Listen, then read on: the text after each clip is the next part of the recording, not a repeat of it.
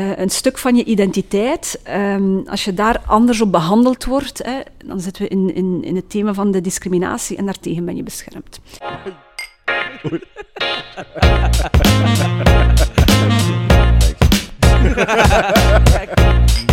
Hilarisch.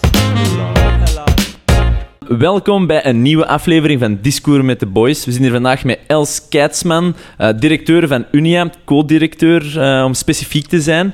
Uh, voilà, dus dank u voor, voor naar hier te komen. Of wij naar u, maar al sinds dank u voor tijd vrij te maken. Graag gedaan. voilà. Dus ik zou misschien eigenlijk direct willen beginnen, want ik denk niet dat iedereen Unia kent. Nee, om inderdaad. Niet te lang, maar gewoon even kort de sales pitch te geven van wie dat Unia juist is, wat dat jullie doen. Ja. Um, Unia is een uh, openbare, onafhankelijke instelling. Dat is al heel belangrijk. Hè. Dus we zijn een publieke instelling, we zijn een overheidsinstelling, maar we zijn onafhankelijk. En wij staan mensen bij die slachtoffer zijn van racisme of discriminatie, van hate speech, van hate crime. Mm -hmm. Wij helpen hen doorheen, doorheen uh, zo'n dossier, doorheen zo'n traject. Maar wij zijn er ook voor iedereen die hulp nodig heeft of die ons advies nodig heeft. Uh, bijvoorbeeld een onderneming die een diversiteitsbeleid wil uitbouwen of een school die niet goed weet hoe moeten wij nu kinderen met een handicap ook kwaliteitsvol onderwijs bieden? Uh, of parlementairen, politici die een voorstel van decreet, voorstel van wet klaar hebben, die kunnen ook bij ons terecht om advies van zit het nu goed in elkaar? Dus alles wat binnen onze opdrachten past. Ja. We zijn er eigenlijk voor iedereen om mensen verder te helpen. Maar jullie zijn effectief wel een officiële organisatie, hè? Ja, we zijn opgericht door alle parlementen van dit land. Dat ah, is redelijk speciaal. Ja, dat is wel fijn om te ja, ja. Alle regeringen van dit land, alle parlementen van dit land hebben ons opgericht. Uh, okay. Wij zijn dus interfederaal. Ja. België heeft een ongelooflijke ingewikkelde staatsstructuur. Ik noem mm -hmm. dat de, de, de, de spaghetti, hè, zeg je, de spaghetti ja, ja. Die, die je niet meer uit elkaar krijgt. En Vlaanderen, Wallonië. En... Vlaanderen, Wallonië, Brussel, -hmm. Duitsstalige gemeenschap. Dus we zijn bevoegd um, op elk beleidsniveau, federaal, Vlaams. Uh, okay. We zijn er ook voor de steden en gemeenten. Okay. En dit voor alle maatschappelijke domeinen, onderwijs, werk, uh, publiek, uh, publiek leven, noem maar op. En uh, ja, wij handelen binnen een bepaald wettelijk kader. En dat is vooral de antiracisme-wetgeving en de antidiscriminatiewetgeving. En hoe is die er ooit gekomen? Of, of hoe lang bestaat die, weet je dat? Of, of? Ja, die bestaat al jarenlang. Ja, ja. En uh, die, die is er ook gekomen, uh, onder meer vanuit uh, Europa. Hè. Europa vraagt ook mm-hmm. dat de lidstaten ervoor zorgen dat mensen niet gediscrimineerd worden. Nu, recht op niet-discriminatie, op non-discriminatie staat al langer uh, in bijvoorbeeld uh, de mensenrechten, hè, de verklaring ja. uh, voor de rechten van de mens. Daarin staat ook dat we allemaal vrij en gelijk zijn geboren. En een van die rechten is om niet gediscrimineerd te worden mm-hmm. op basis van persoonskenmerken, noemen wij dat. Ja. Het verschil met andere Europese landen is denk ik wel dat wij een vrij uitgebreide wetgeving hebben. Okay. Europa legt op dat je beschermd bent tegen discriminatie mm. op zes beschermde persoonskenmerken. Denk aan leeftijd, denk aan gender, denk aan uh, de raciale criteria. Dat is Europees. En dat is Europees geregeld ja. en België is daarin verder gegaan. En mensen zijn beschermd tegen discriminatie. Wij tellen er ondertussen uh, 19, 19. 19 criteria, ja. maar er komen er af en toe ook wel bij. Um, en ja, bepaalde criteria zijn minder gekend, of mensen beseffen niet dat ze beschermd zijn tegen die ongelijke behandeling. Mhm. Mm-hmm. Bijvoorbeeld leeftijd is er zo eentje. We vinden dat heel normaal, dat we anders behandeld worden naar gelang de leeftijd. Hè. Pensioen op 67, hè. Ja. Uh, meerderjarig vanaf 18, uh, alcohol, seks vanaf 16. We vinden dat heel normaal dat op basis van leeftijd een onderscheid wordt gemaakt. Zwaar, daar zit ook, ja. daar zit ook een bepaalde logica achter. Ja. Maar uh, als daar geen goede reden voor is, bijvoorbeeld op de werkvloer, je hebt alle competenties, uh, maar een werkgever vindt jou te oud of te jong. Het is ook voor jongeren een probleem. Sure. En puur op basis van leeftijd uh, grijp je dan naast een job, dan discrimineert die werkgever eigenlijk. En mensen kunnen dan bij ons terecht en dan zoeken we samen naar een oplossing. Ah, ja. Okay. Okay. ja, dat is niet zo'n voor de hand liggende, hè? De, de leeftijd, nee, denk ik. Nee. Daarom dat ik hem een beetje ja. even vernoem, omdat, omdat in onze hoofden is dat zo normaal. Ja. Hè, om op basis van leeftijd onderscheid te maken, maar eigenlijk ben je wel beschermd mm-hmm. tegen discriminatie op basis okay. van leeftijd. Ik zou een superbelangrijke vraag willen stellen. Um, wat is de definitie van discriminatie? Want we hebben ja, al een paar absoluut, keer ja. gestruggeld met wat is die nu? En Ja. Google kan ons niet verder helpen op een bepaald moment, want Ik denk er dat zijn ook te een veel... beetje Ja. een fout, uh, want we hebben ooit eens gelegen dat het echt illegaal is. Uh, en ik denk dat onze understanding voor, voordat we dat allemaal hebben researched, van discrimineren, dat is eigenlijk gewoon hè, keuzes maken, ja of nee. Hè. Jij wel, jij niet. Um, maar toen dachten wij, of, of denken wij... Nog steeds achtig. Ja, een beetje. Dus daarmee dat we de vraag stellen van... van ehm, in sommige situaties is dat toch normaal? Of Mhm. niet? Dus, dus daarmee, zo die connotatie illegaal, dat is zo ineens heel gevoelig, heel moeilijk om, om daarmee, ja, Ja, ja. daarmee die vraag... Ja. Er zit ook een hele redenering eh, in die wetgeving. Hè. Daarom dat waarschijnlijk het woord onwettelijk eh, of Ja. illegaal We zullen is misschien rap, sorry, ik ga je rap van onderbreken, maar we hebben nog niet gechinkt. Normaal is die nu altijd chingen. goeie in het begin. moment, ja. Oké. Ja, maar we gaan net beginnen, hè, dus nu gaan we weer eh chingen. Dus eh, eh, even disclaimer, het zijn werkuren. Ja? ik drink dus tijdens de werkuren. Nee, nee, nee. Nee, Ehm, ik zag nee. het staan en eh, in elk geval een keer ruiken. Het Ja, voilà. Ik Dus, ga een keer eh, nippen, eh, maar voor een goed interview lijkt het mij toch beter dat ik straks gewoon water drink. Sowieso, Ja. maar eh, gaat je nu nippen? Dan gaan Ga we allemaal kijken naar de, reactie. de lippen ook wel losser, hè. Dus. Dat is wel lekker. yes, another one. Ja. Dus eh, ja, Ja. voilà, zie je, dat is heel eh, smooth, Ja. hè, om het zo te zeggen. Goed, maar even terug... Serieus. ga, ga ik mij wel gedragen. Hè? Nee, nee, dat is goed. ja, als je niet wilt gedragen, dan mag ook, maar Ja, ja. je bent Ja. helemaal vrij. Pas op, maar- pas op. Ze heeft ook bij Oxfam gewerkt met die gekke feestjes. maar dat heeft ze ons daarnet al verteld. Maar dat ze die was geen gezien, deel dus van, voilà. Ja, Discriminatie. Dis- discriminatie Yes. komt neer op een niet geoorloofd onderscheid maken. Tuurlijk eh, maken we soms een onderscheid en soms is dat ook geoorloofd. Ehm, ik geef meestal als een klassiek voorbeeld als ik vorming geef over, over, over eh, de wetgeving. Ehm, stel je bent een, een eh, cosmetica bedrijf en je wil ehm, een crème aanprijzen. Hè. Je wilt een crème verkopen, een gezichtscrème, voor de rijpere huid Mhm. Dan is het natuurlijk heel onnozel om met een piepjong model te komen dat 16, 17, 18 Sure. jaar is, terwijl je doelgroep eh, mensen zijn van 40, 50, 60 jaar ouder Ja. eh, en, en het is een crème voor de rijpere huid. Dan mag je uiteraard zoeken naar een model dat iets ouder is en dat past bij dat product. Daarvan zullen wij zeggen dat is geen discriminatie. Dus dat is geen discriminatie. Nee, Hoe noem je dat dan wel? Dat is een geoorloofd onderscheid maken. Hier zit een Dat is duidelijke een geoorloofd... Maar de definitie... Dus hier zou discriminatie effectief niet kunnen onderpassen. Ja. Dus als het geoorloofd is, is het geen discriminatie. Als het ongeoorloofd is, Ja. wel. Maar we gaan altijd kijken naar welk onderscheid wordt het hier gemaakt. Ja. Eh, valt het binnen de antidiscriminatiewetgeving? Want ik heb bijvoorbeeld al gesproken over de beschermde persoonskenmerken. Ehm, iets wat niet beschermd is door de wetgeving, ook al is er een beetje discussie over, is eh, bijvoorbeeld eh, zichtbare tattoos. Mhm. Mhm. Op zich ehm, is dat niet echt beschermd door de wetgeving tegen discriminatie. En er zijn nu eenmaal plekken waar regels zijn rond het al dan niet dragen van zichtbare tattoos. Mhm.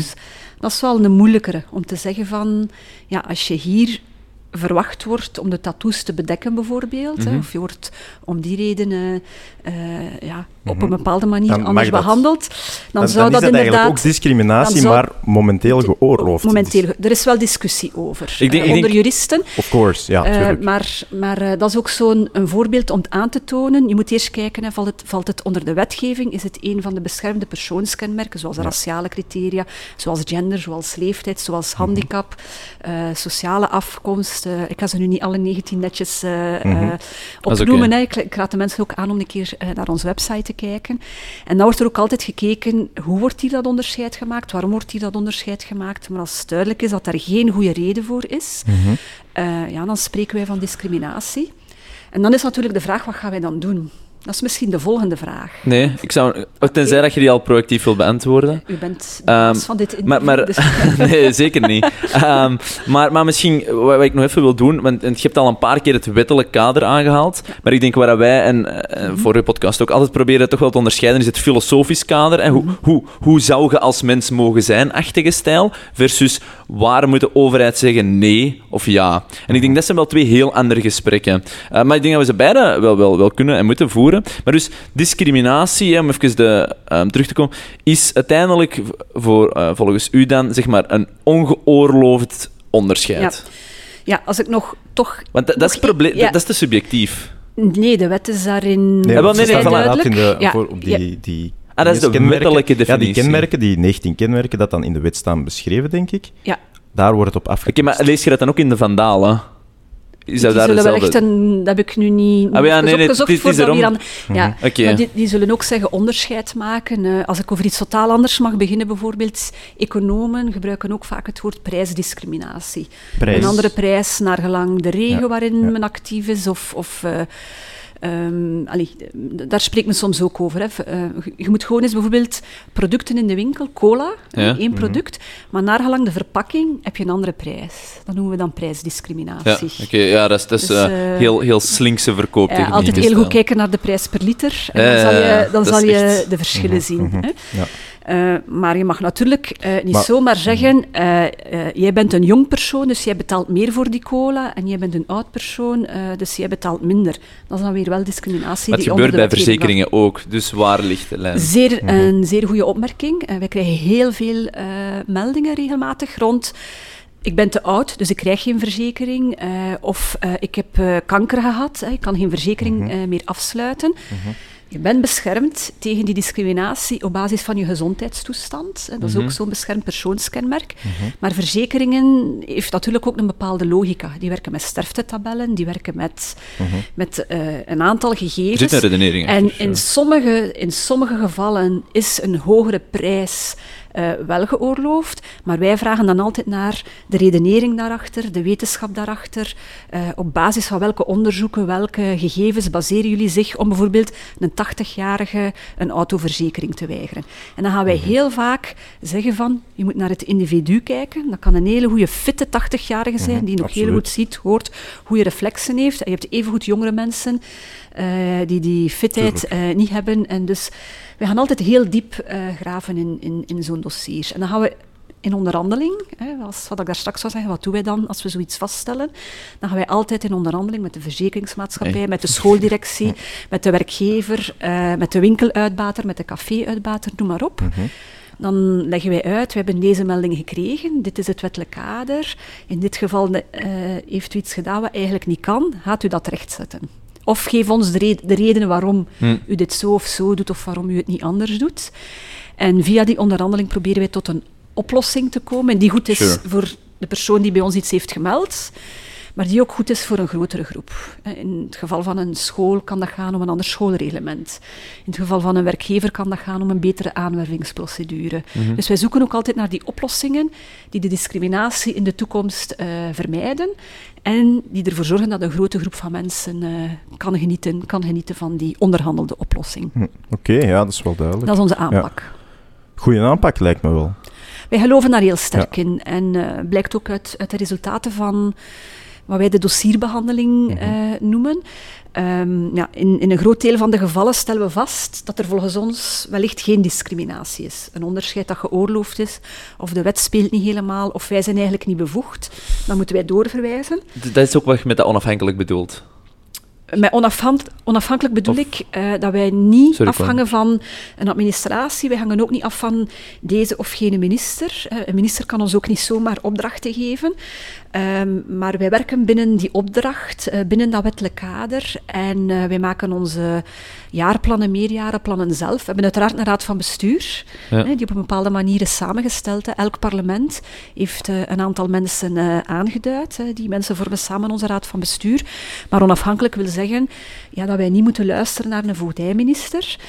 Wil ook zeggen dat wij voldoende budget hebben om onze opdracht te doen. En wil ook zeggen dat wij voldoende instrumenten hebben om ons werk te doen. Hè. Wettelijk kader is een instrument, de dossierbehandeling is een instrument. In sommige gevallen, als wij niet tot een vergelijk komen bijvoorbeeld, kunnen wij naar de rechter trekken en kunnen wij op die manier het slachtoffer bijstaan. Heel soms gebeurt dat. Vorig jaar hebben wij 17 keer eh, de toestemming gekregen van onze raad van bestuur om een juridische procedure te starten. Maar dat is eerder beperkt. Volledig dan- gevind. Ik ga mijn best doen om op de vragen tegelijk te ik, ik wou gewoon vragen, dat is Ja. dan volledig gesubsidieerd eigenlijk. Die, We die- zijn, we zijn Allee, gefinancierd door jullie voor dat individu. Nee, nee. Nee, dat niet. Nee, wij zelf, eh, wij zijn een publieke instelling, dus ons budget eh, komt van, van de verschillende overheden van dit land. Hè. Dus we werken met publieke middelen, we werken met de middelen van de belastingbetaler. Als ehm, wij mensen ondersteunen, onze dienstverlening is inderdaad gratis. Hè. Mensen kunnen bellen naar ons gratis groen nummer. Onze adviesverlening is gratis. Eh, Wij gaan mensen zo goed mogelijk bijstaan. Idem trouwens voor Uh, ik zeg maar wat, Ja. een werkgever die vormingen vraagt, eh, begeleidingen, als die heel intensief zijn, kan het zijn dat wij daar wel een kleine bijdrage voor vragen, maar, maar allee, daar ga ik nu niet te diep op in, Nee, nee, dat is telkens op maat. over ja. Maar inderdaad, als mensen naar de rechter trekken, dan is het zo dat wij een advocaat onder de arm nemen. En we betalen uiteraard de advocaat van Unia. Maar het slachtoffer dient zelf een advocaat onder de arm te nemen en, en de kosten van de juridische procedure te dragen. Dat is trouwens een probleem hè, voor sommige mensen. Ah dat is een Ja. beetje het concept. dat is een beetje Ja. een visieuze cirkel Ja. dan weer. Ja, niet iedereen heeft het geld eh, om naar de rechtbank te trekken. En mensen, en dat is zo, hè, dat is heel menselijk redeneren natuurlijk. Als ik win, eh, wat is dan het resultaat? Hè? Ehm, als het gaat om discriminatie in, in eh, bepaalde domeinen, bijvoorbeeld domein van de goederen en diensten, dat is openbaar vervoer, verhuur eh, enzovoort, dan kan, als de rechter een uitspraak doet, dan kan een schadevergoeding uitgesproken worden en die kan gaan tot 1300 euro. Dat is niet je- zoveel. Nee, dat is niet veel. Als je Nee, weet wat een advocaat kost, en Ja, dat is voilà. eigenlijk niet zoveel. Mensen gaan natuurlijk een afweging maken. Hè. Sure. Op de arbeidsmarkt eh, liggen de bedragen iets Ja. hoger. Daar kan men gaan tot zes maand gederfd bruto loon. Ja, Omdat je naast een promotie of naast een, eh, een job eh, hebt gegrepen. En dat zijn al andere bedragen en dat is de afweging die mensen soms maken. En daarom eh, dat wij natuurlijk ervoor pleiten dat justitie, dat het juridische eh, toegankelijk en bereikbaar blijft voor, eh, voor iedereen. Maar voor mensen die echt weinig geld hebben of geen grote spaarboek hebben, is dat wel een drempel om uiteindelijk toch naar de rechter te trekken. Terwijl het soms echt wel een case is waarvan wij denken, oh, mocht de rechter hier een uitspraak in doen, dat zou goed zijn voor de rechtspraak. Ja, ja, want dat zijn goede Ja, precedenten zetten. ja, want de rechtspraak is ook een instrument voor ons. Hè. Wij- Yes, yes, yes. ja, dus wij denken daar ook altijd over na.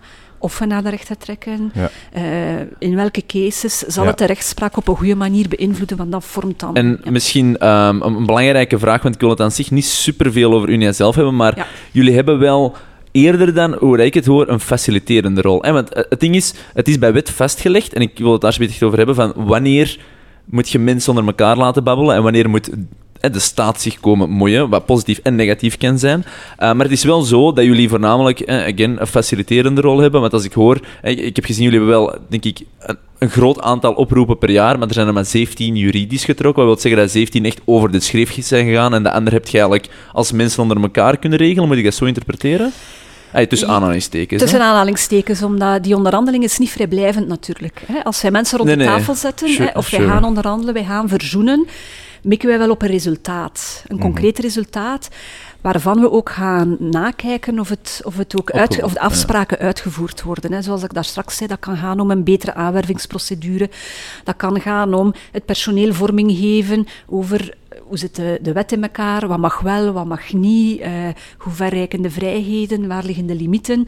Ehm, maar, maar we gaan ook vorming geven, bijvoorbeeld, eh, hoe zorg je voor meer diversiteit op de werkvloer, of hoe manage je de diversiteit, want dat komt niet vanzelf. Sure. Hè. Je, Andere je- normen en allee, waarden, je moet samen eh, leren werken. Ja, in, inspanningen Absoluut. leveren. Hè. Diversiteit eh, is één ding, maar, maar het goed samenwerken, het goed samenleven, Mhm. ja, dat is, daar is een inspanning van nodig eh, van iedereen.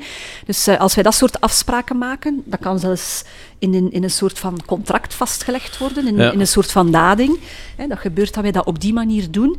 Eh, dus dat is niet, niet vrijblijvend. Hè. We vragen ook vaak, hè, als wij echt discriminatie hebben vastgesteld, eh, excuses tegenover degene die heeft onderhalen. Sorry. Dat is, dat is ge- ja.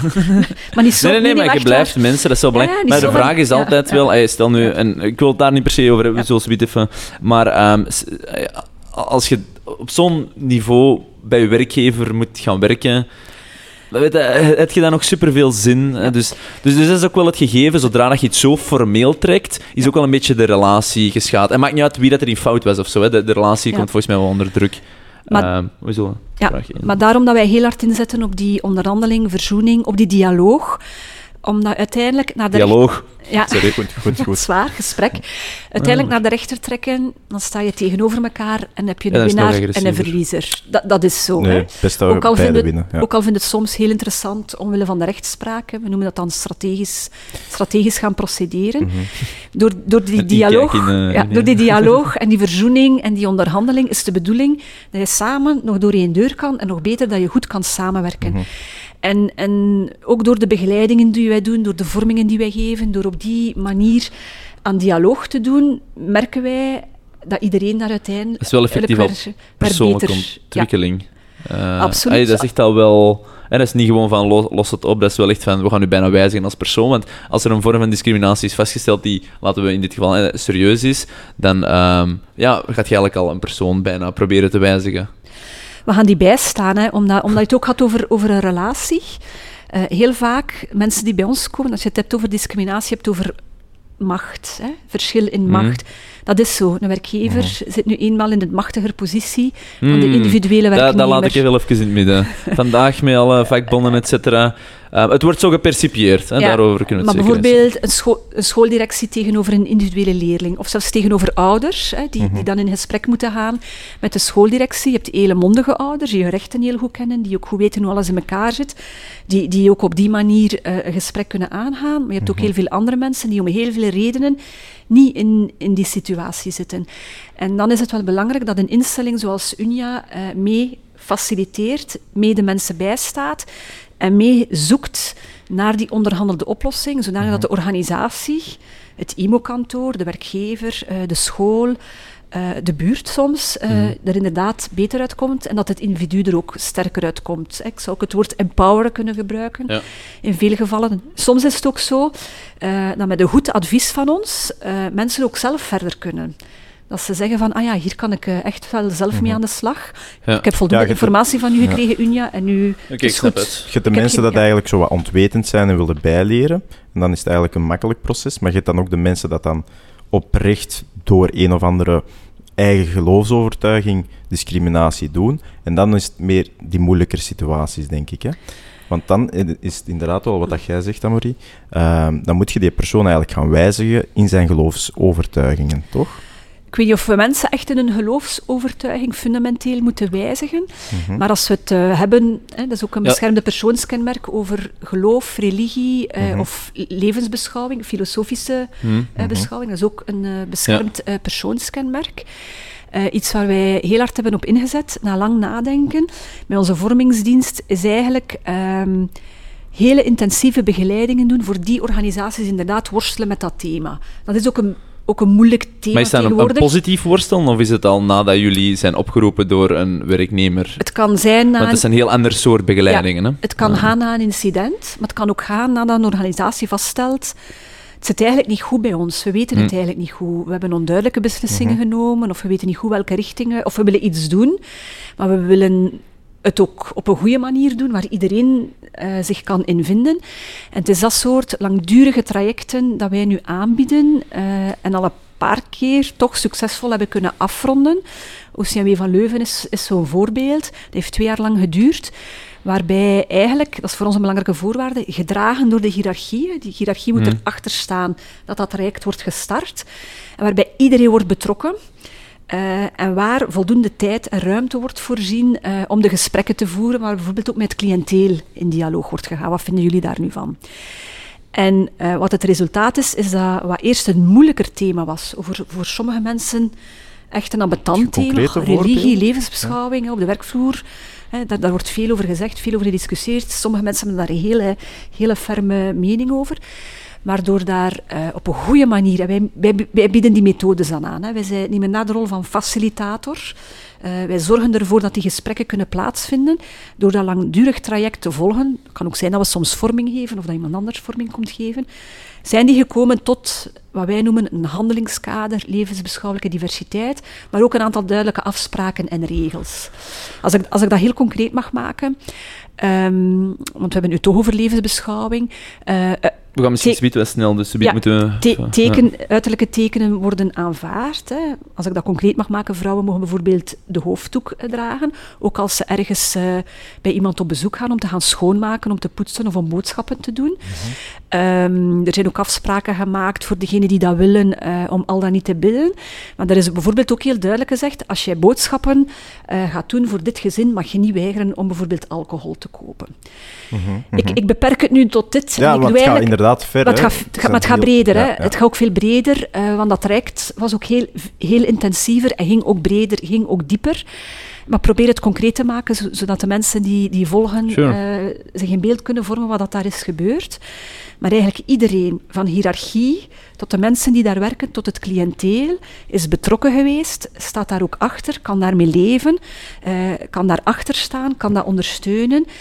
En het grootste voordeel was, denk ik, uh, dat wij heel hard in de evaluaties gezien, mensen vinden het geen moeilijk thema meer. Zij weten nu hoe ze daarover vragen kunnen stellen, hoe ze daarover in gesprek kunnen gaan, ook op de werkvloer, en hoe ze als er een nieuwe, een nieuwe vraag komt, weten ze wat ze moeten doen om dat eventueel incidenten in de toekomst te vermijden. En dat is eigenlijk aan het eind van de rit toch wel een mooi verhaal, vind ik, over iets wat vandaag de dag een heel gepolariseerd thema is. Hm. Oké. Want ik vond het wel interessant wat je daar zei, van inderdaad die geloofsovertuiging en dan inderdaad hoofddoeken en zo. Inderdaad, sure, eh, geen probleem, draag wat je wilt, inderdaad, als dat geloof is, tuurlijk. Maar inderdaad, je denkt zover niet, inderdaad, in die geloof kan het inderdaad ook zijn van bijvoorbeeld de alcohol gegeven, van inderdaad, dan gaat tegen haar geloof gaat hij dan een aankoop doen voor iemand anders. In haar geloof is dat dan misschien een slechte overdracht, of, of, ik weet het niet. Um, maar inderdaad, zo ver gaat het uiteindelijk wel soms. Hè. Um, dat je moet nadenken in al die kleine stapjes, want wat is er nog en wat is er niet? Want als je dan eigenlijk uh, in dienst bent van, en, en je kunt inderdaad dan niet kopen voor je geloofsovertuiging, ja, dan is het ook discriminatie om die persoon niet aan te nemen, moest zij dan niet kunnen kopen. Nee, net niet. Dan is het dat is wat ik hier probeer uit te leggen, want de regels zijn op voorhand mhm. afgesproken, duidelijk. Maar zijn die, zijn die, gaat het zover ook in het wettelijk kader? Um, het staat niet in die details uitgeschreven, maar dus dit is iets wat nodig is om je job uit te voeren, uh, zo, zo mhm. dus. Hè. Ja. Nu, um, wij gaan zelf ook niet aan theologie doen. Wij gaan mhm. echt geen regels die bepaalde levensbeschouwingen of religies voorschrijven gaan ontleden. Dat is niet onze rol.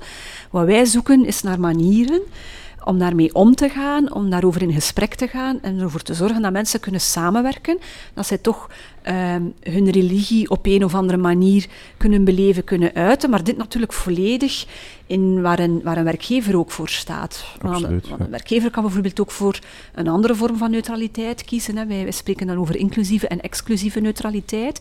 Maar zolang daar goed op voorhand is over nagedacht, zolang daar goed is over gepraat, bij onder meer bijvoorbeeld de vakbonden hè, binnen, hm. binnen een onderneming, dat daar ruimte was voor dialoog tussen werknemer en werkgever, zolang de regels uh, goed bedacht zijn. En zolang je niet ingaat tegen de vrijheid van, van religie, mhm. Ehm, dan is eigenlijk heel veel mogelijk in, in verschillende richtingen. Maar wij gaan nooit die theologische discussie aangaan. Wij, gaan, wij kijken heel hard binnen dat kader uh, van mensenrechten. Wij kijken mhm. heel hard binnen dat kader van uh, non-discriminatie en helpen die werkgevers die met dat thema op een goede manier aan de slag willen gaan. Ja. Maar degenen die wel gediscrimineerd worden, en daarvan zijn dingen uit, uit de actualiteit, bijvoorbeeld de openbaar vervoersmaatschappij hier in Brussel, die tot twee keer toe een vrouw met de juiste competenties niet had aangehouden voor een back-office functie, waar ze dus niet zichtbaar was voor het publiek.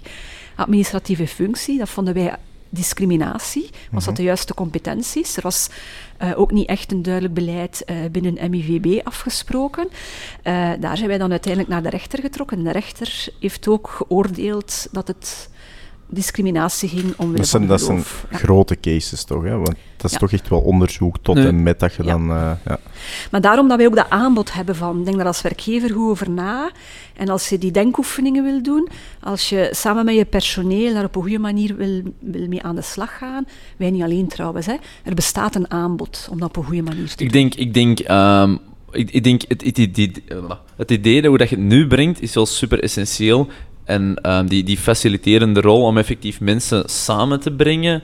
Ik bedoel, I'm all for it. En ik zou me niet kunnen inbeelden wie niet. Dus ik denk dat echt wel een super essentieel uh, gegeven is. En ik wist eigenlijk niet hè, dat de Unie daar, daar zo hard uh, in, in hielp. Um, dus dat, dat vind ik echt wel top.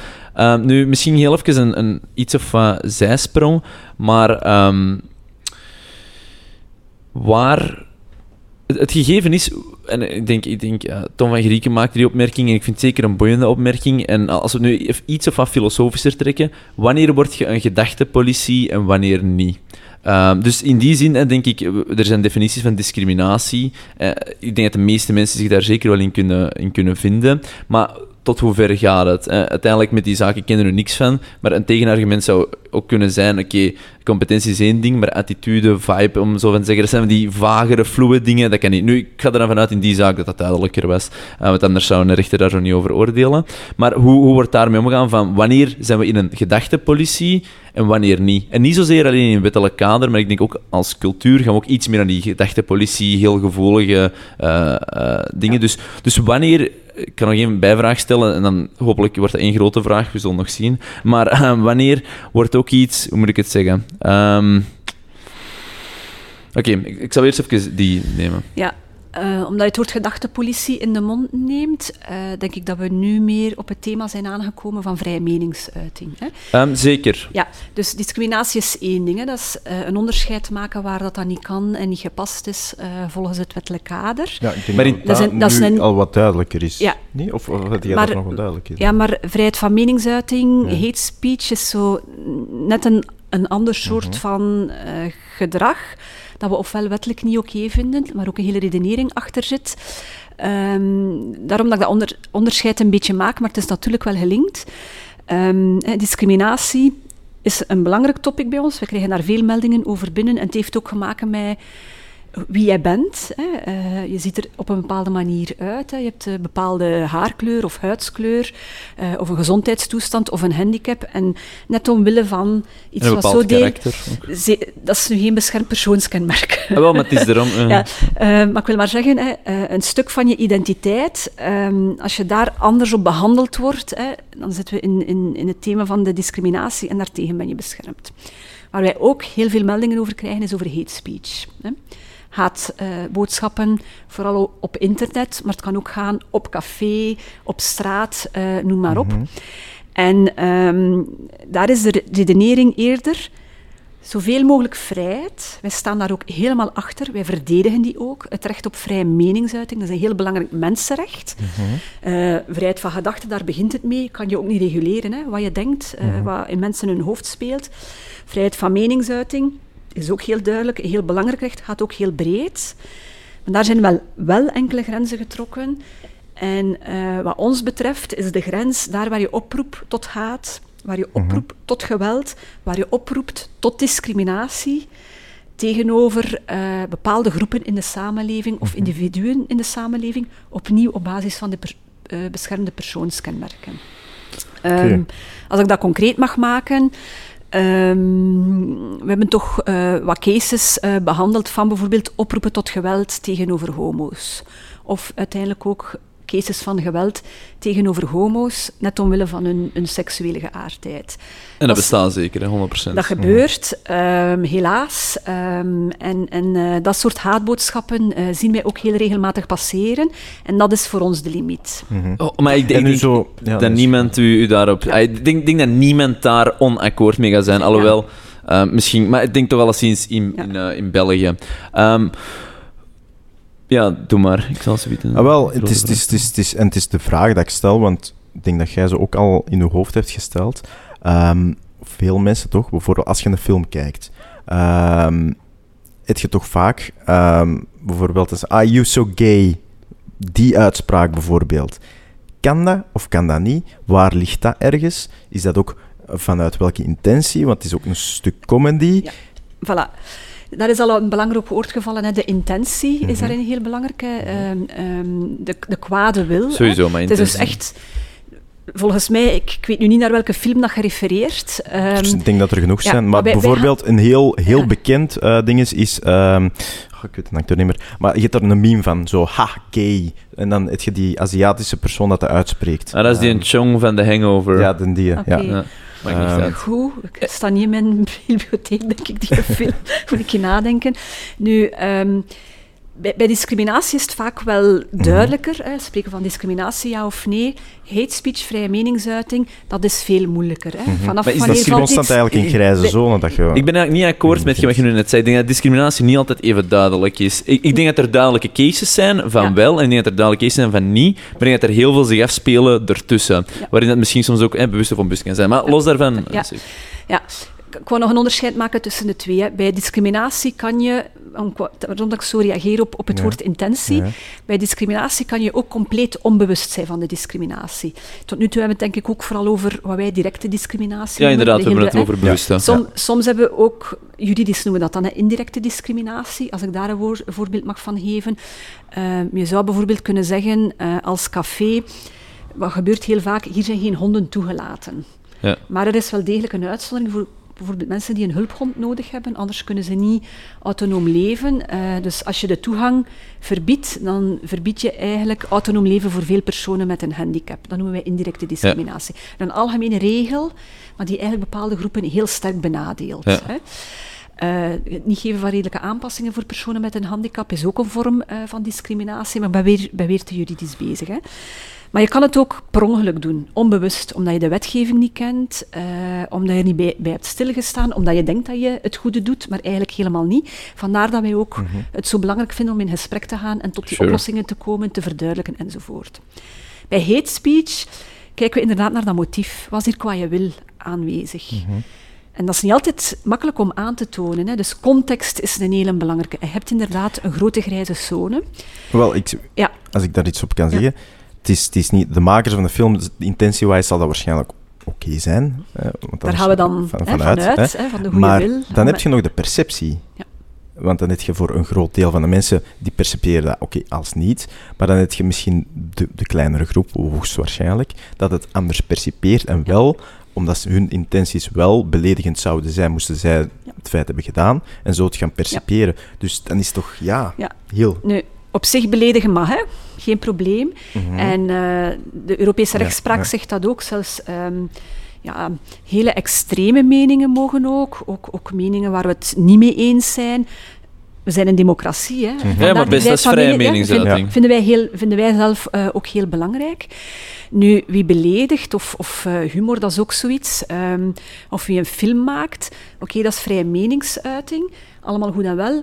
Maar dan moet je ook kunnen aanvaarden, dat is ook democratie, dat er kritiek op komt. Dat moet ook kunnen. Want dat zie ik toch ook wel vaak gebeuren. Mensen zeggen iets en iemand anders eh, reageert daarop, bent het daar niet mee eens, of ik vind dit beledigend, of ik vind dit zus, of ik vind dit zo. Daar moet je dan ook tegen kunnen. Hè? Dat mensen hun film dan maar niks vinden, of beledigend vinden. Dat is het debat. Dat is het maatschappelijk debat. En dan moet je op de scherp van de snee eh, echt kunnen voeren. Humor, humor ook. En in humor moet je ook heel ver kunnen gaan. Maar je moet ook aanvaarden als je een komiek bent of, of je hebt een komische film eh, willen maken, dat andere mensen dat totaal niet grappig vinden en dat dan ook zeggen van, dit was echt niet oké. Absoluut. Dat is allemaal de vrije meningsuiting. Dat, Ja, speelt, sure. dat speelt langs eh, alle kanten.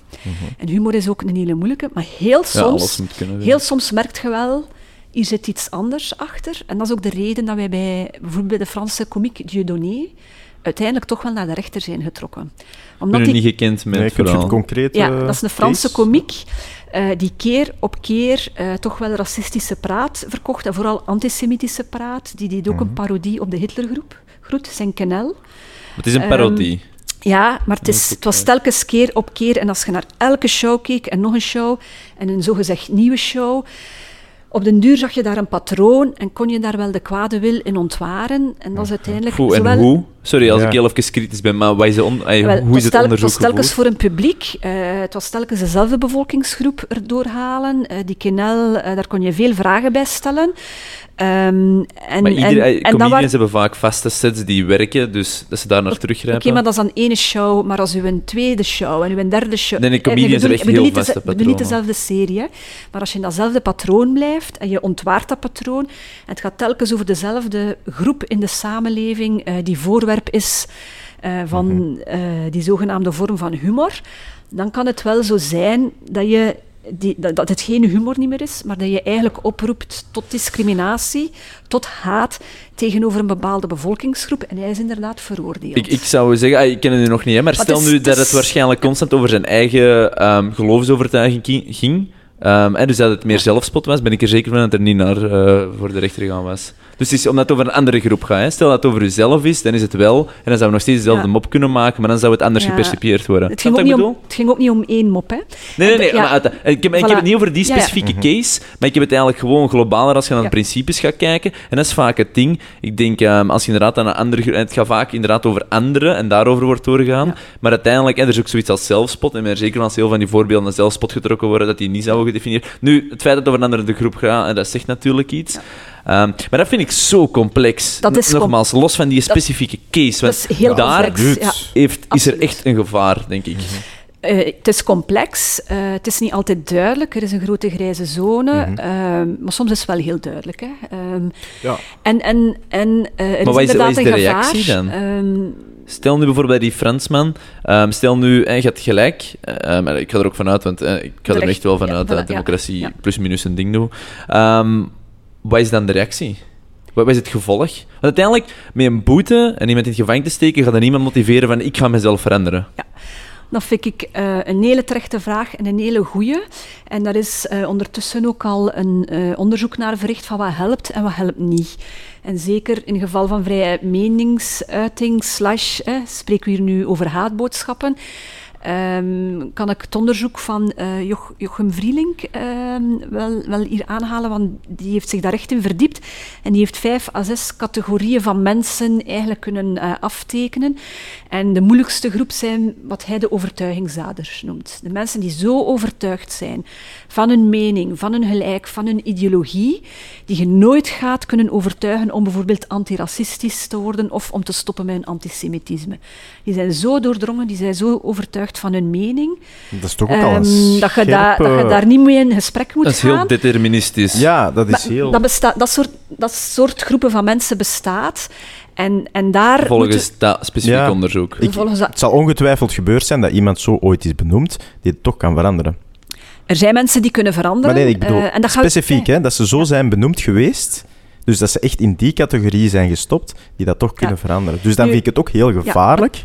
Maar het is ook, het is ook een onderzoek hè, om Ja. echt te Ja, ja, kijken tuurlijk. van wie zijn de mensen die Maar haatboodschappen de meeste eh, social sciences studies kunnen niet herhaald worden. Dus ik wil maar zeggen, het is on- ongetwijfeld een goed onderzoek en er zal veel zijn rond gebeurd, maar weet ook en dat 50% denk ik van alle social sciences niet kunnen eh, herhaald worden. Dus het ding is, niet vergeten dat ooit zo, eh, scientists hebben aangetoond dat racisme effectief een logisch ding was. Hè? Het is niet omdat de logische dingen zou we het moeten aanvaarden, eh, laat staan dat nee, nee, nee, je, begrijpt niet wat ik probeer te zeggen. Ehm, Wat ik vooral probeer te zeggen is van, Ja. ehm, met wetenschap kun je heel veel dingen bewijzen. En ik denk wat wij vooral proberen te zeggen is, ehm, we zitten zo wat in de fase, of- in het gedachtepatroon, waarin we toch op zijn minst proberen te geloven dat iedereen kan veranderen, beter worden voor zichzelf. Mhm. Ik denk iets meer die, die openheid rond hoe dat je denkt. Ja. Iedereen heeft een bepaalde persoonlijkheidstrek, iedereen heeft een bepaald persoonlijkheidsspectrum, maar uw gedachte, letterlijk wat je denkt, is vaak een reflectie van wat je de dag ervoor dacht, et cetera. Is een soort van gewoonte. En gewoontes, alhoewel heel moeilijk soms en heel diep, zijn wel doorbreekbaar. Ik volg eigenlijk helemaal. Hè. Ik wou dat onderzoek aanhalen, eh, omdat hij vooral ook heeft gekeken van wat werkt. Hè. Werken zware straffen of werkt net in gesprek gaan? Eh, moet je zo'n mensen eh, in een traject steken, hè, waardoor ze misschien van mening kunnen veranderen of tenminste dit gedrag niet meer vertonen.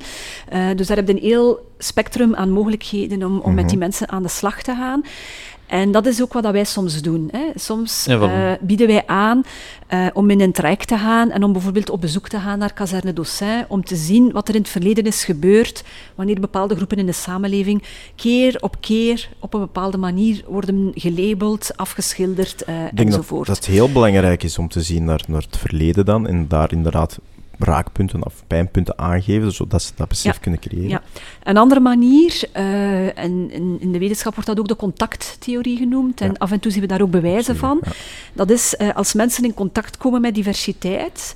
Bijvoorbeeld, het gezin naast de deur is een homokoppel eh, met kinderen. Dat is een vorm van diversiteit.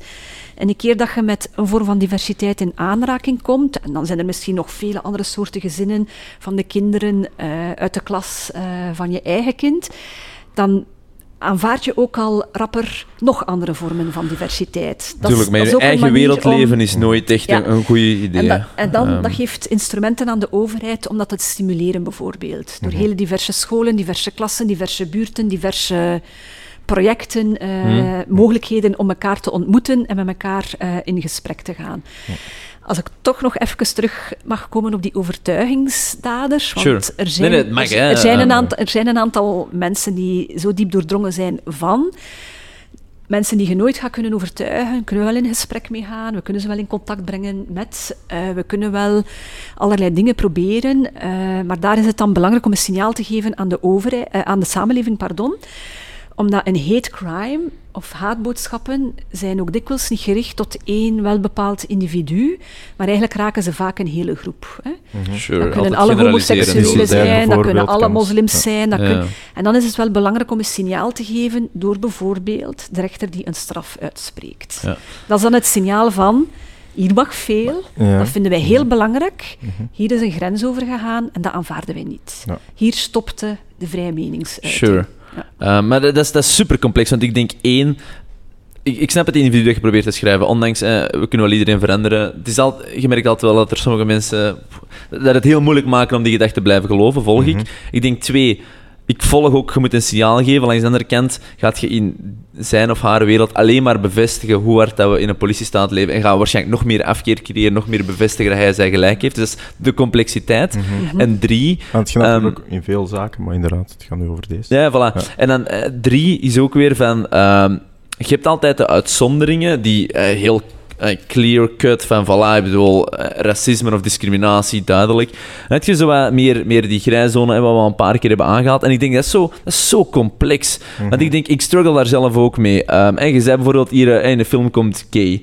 Ehm, en ik, ik zal zeker ook wel tegen u soms eens zeggen, hey, pussy of whatever. Maar daarmee insinueert je hetzelfde. Hè? Ik bedoel, dat is, dat is de- dezelfde context. En dat is gelijk, pak, pak, pak. Dat is er vroeger ook, hè. Wacht, wacht, wacht. Dezelfde Ik denk categorie. dat je niet helemaal duidelijk zijn. Je bent niet pussy en gay aan het vergelijken als hetzelfde. Hè? Want Ehm kwam het jawel, ook zo. catego- categorie heeft dat soortgelijke kenmerken, hè. Ehm, ik snap wat je bedoelt. Oh ja, We moeten, Ja. niet semantics, hij heeft zeker een soortgelijke connotatie. Mhm. Ehm, maar het idee is inderdaad wel ehm, dat het één vandaag de dag, het ene woord, meer emotioneel geladen is en meer een groep uitsluit. En zou bijvoorbeeld een, een, een negatief woord zijn, versus pussy, ik weet nu niet wat dat een, een super emotioneel geladen woord is, maar ik denk sowieso minder, omdat dat lijkt dat je minder hè, ehm, een richting uitgaat. En dat is een beetje ook, ook de vraag rond eh, discriminatie. Ehm, verplaatst het probleem zich een beetje ehm, naar, naar andere... ehm, eh, andere manieren om te discrimineren zonder dat het eigenlijk op die manier opvalt. Ik denk, het thema waar dat we nu over spreken is, ehm, hoe, hoe, hoe, hoe spreken we tegenover elkaar? Of, of ehm, goh, ik weet niet goed waar dat je naartoe wilt. Ehm, Ik denk ehm, een, een aantal dingen. Dus je hebt sowieso de cultuur, het maatschappelijk gegeven, en dat je iets verwacht van elkaar. En dan merk je, me- mensen mogen ook kritiek op je geven. hè. Je mocht heel veel mopjes maken, maar dan mogen mensen terug mopjes maken of kritiek geven. Dus ik denk, dat is sowieso een punt. En waarover mogen mensen kritiek geven of niet? En dat is nog een ander punt. Maar dan heb je inderdaad zo de lijn van, en nu wordt het discriminatie, nu is het te ver. Ehm, dat in zekere mate wettelijk is vastgelegd. En mijn, eh, ik weet niet, wat, wat ik een beetje probeer te ontdekken, is waar, ja, hoe... Ja, ik weet het niet, wanneer wordt iets wettelijk en wanneer niet? Want ik ben zelf, en ik, ik heb het ook gezegd, heel duidelijk, als je, een, als je in je hoofd een gevolg geeft aan iets waar dat jij ziet, waar geen logische correlatie is met dat gevolg, dan is dat eh, discriminatie. Ik denk cut and clear.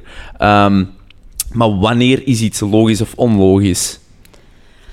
Ehm, we spreken over hate speech. Hè. Dat is, dat is niet, discriminatie is anders behandelen. Hè. De job niet geven, de promotie niet geven, eh, het schoolreglement, dat discriminerende element. Ik vind, vind dat een belangrijk. Oké, maar Ja, voor het is- een- er zit echt we- wel een onderscheid nu, in. nu, zitten we echt ik, ja. bezig over vrije meningsuiting. Wat zeggen we, wat zeggen we Mhm, niet, mhm. hoe zeggen we Maar het, in zekere mate ben ik ook wat- over discriminatie bezig. Want uiteindelijk is het ook wat denken we en hoe reageren we daarop. Als je mensen anders behandelt, dan kan je in sommige gevallen spreken inderdaad eh, van discriminatie. Hè. Maar nu raken we het, denk ik... Denk Ben ik wat dingen door elkaar aan het Ik denk het zo? wel, Ja. ja. Want ja, het is echt een handeling. Als je iemand iets... Ja, gelijk eh, dat gay mopjes maken, en dingen, dat is allemaal freedom of speech. Maar het is pas als je... Nee, want de Fransman die te veel het mopje maakte, deed effectief een handeling op een bepaald moment. Die, Nee, die die heeft- overtrad eigenlijk, volgens ons de volgens frequentie dan. Omdat hij het in het publiek deed, omdat het keer op keer was, omdat het altijd dezelfde groep was. Daar sprak Oh, voilà, de dus rechter, nu komt het daar wel samen. Hè? Ja, daar sprak de rechter van Mhm, haatboodschappen, oproepen tot haat. Ja, maar dat Dus- was... Ja, hoe valt het daar dan onder de discriminatie? Dat is nu het is wat wij ha- haatboodschappen noemen. En, ja, en het, dus dat is en niet discrimineren, dat hem daar heeft hem Ja, eigenlijk ik- niks ik- mee te maken. Ik wil niemand in verwarring te brengen, want Ja. ik ben met, heel hard met het juridisch kader eh, natuurlijk ja. in mijn achterhoofd. Tuurlijk. In mijn En achterhoofd. terecht. Mhm. Ehm, maar we hebben het er nu over van eh, welke films moeten er gemaakt worden, welke maatschappelijke debatten moeten er gevoerd worden Mhm. en op welke manier. En daarop is mijn antwoord eigenlijk, maar eigenlijk mag er heel veel en moet er ook heel veel. Hè. Mhm. Een politiek debat, een maatschappelijk debat, eh, dat, moet, dat moet soms heel scherp zijn. Om duidelijk te zijn, om, om duidelijke standpunten te hebben en om dan uiteindelijk eh, dan in het parlement of ergens anders tot een soort van compromis te komen. Daar gaat het ook niet om. Humor eh, moet kunnen, humor moet soms heel scherp zijn om goede humor te zijn.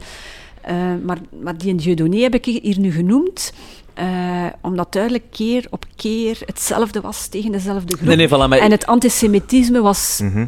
Ook volgens de Maar dat was dan, dat was, hij is dan veroordeeld voor oproep tot haat, maar niet voor discriminatie. Ja, voor, eh, voor maar haatboodschappen, dat klopt. Het had niet te maken met discriminatie dan, Nee, hij die heeft- case. Hij heeft niet gezegd, ehm, gays mogen niet naar mijn show komen, die mogen Mhm. geen ticketje kopen. Ja, dus, Oké. dus dat, is- dat, Dat is heeft hij eigenlijk de lijn. Daar is eigenlijk, denk ik, de ja. lijn dat nu duidelijk Oké. is. Ja. Maar ik zal, ik zal mijn ja. anders stellen. In theorie, de persoon intern ervaart plus minus hetzelfde. Dat zou ik, ja... Snap je? ik- Ik, ik mag- denk, ik denk ja. als persoon, of dat je dan hate speech doet of gediscrimineerd Daar heb die persoon Zo- is, die heeft niet, oh, nu is vrije meningsuiting en nu is discriminatie. Ja, nee, uiteraard O- hoogstwaarschijnlijk zal die diezelfde groep dan ook op een andere manier discrimineren als hem niet met een Ja. show is. Maar hè. ik vind het wel super interessant om het, om het onderscheid eens echt to the core even te bekijken, sowieso. Ja. Want ik denk als veel mensen daar gewoon iets meer kennis rondom hebben, kunnen ze dat ook, ja, hoe meer Mhm. Ja. informatie dat je beschikt. Maar wellicht ben ik zelf ook te veel met dat juridisch kader in mijn achterhoofd. eh, maar dat is superbelangrijk, jullie want- het gesprek aan het voeren. Want ik vind, ik vind het heel belangrijk wat dat je nu aanraakt. Eh, wat ik heel belangrijk vind in heel deze discussie is... Het debat moet er zijn, eh, de discussie moet er zijn, maar de mensen die heel prat gaan op hun, op hun vrijheid van meningsuiting, en ik steun hun volledig, is wat ik daar straks zei, moeten ook aanvaarden dat er tegenreactie op komt. En dat is wat je vandaag meer en meer ziet. Meer mensen, meer groepen staan nu ook recht. En zeggen nu ook vaker, en de sociale media helpen hen daarin, ben ik hier niet meer mee eens. Ik vind dat niet oké. hè. Eh, uw politicus eh, of uw komiek eh, of uw filmmaker, de manier waarop u films maakt, Mhm. praat, eh, ik vind dat niet oké. Ik heb een andere mening, ik vind het ook niet oké eh, dat je groepen als, mensen daar, beledigt. als daarbij Ja. blijft, dan is het oké. Maar vaak is er ook... Ik denk dat het vaak uitkomt. gekleurd is, die boodschap, Ja. als die naar buiten komt. Ja, omdat het heel Dat kan. subjectief is. Hè? Ja, Eh, maar op zich, denk, vrijheid van meningsuiting gewoon puur subjectief is. ik denk dat dat... Nee. Vrijheid van meningsuiting is een absoluut, hè. En dan komen er beperkingen op. Ja, oké, ja, wel ja, oké, voilà. Maar, Maar ik bedoel, wil waar maar ik- zeggen- wat, is normaal en wat is niet normaal, dat is super subjectief. Mhm. En daarover gaat het. Wat is normaal en wanneer niet. De, Maar- con- de context is inderdaad heel belangrijk. Wij gaan daar ook altijd zo naar kijken. En eh, als wij zo'n meldingen krijgen, dan moedigen wij mensen ook altijd aan van doe het tegendiscours. Hè. Mhm. Als je een bepaald discours hoort, je bent het niet mee eens, je vindt het haatdragend, Mhm. ga er ook tegenin. Hè. Zeg dat je het niet mee eens bent. Dat zeggen wij ook heel vaak. Hè. Zie je dat iemand belaagd wordt, bijvoorbeeld op Twitter. Dat Mhm. gebeurt soms. Hè. Mhm. Mensen hebben een mening, doen een uitspraak, wam, een hele groep eh, die daar tegenin Mhm. gaat. Dan is het belangrijk om die persoon te ondersteunen en het tegendiscours te voeren. Van, hey, jullie daar, bent het er niet mee eens. Mhm.